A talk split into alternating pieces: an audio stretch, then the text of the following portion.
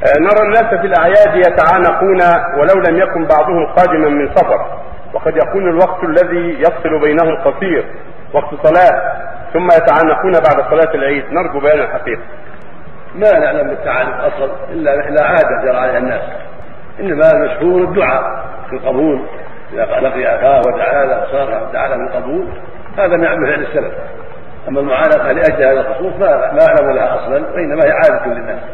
فالأفضل المصافحه واكتفى بها عند اللقاء يصافح اخاه ويقول له آه، هنأك الله في هذا العيد أو بارك الله لك في هذا العيد أو تقبل الله منا ومنكم وما أشبه ذلك. لا بأس به.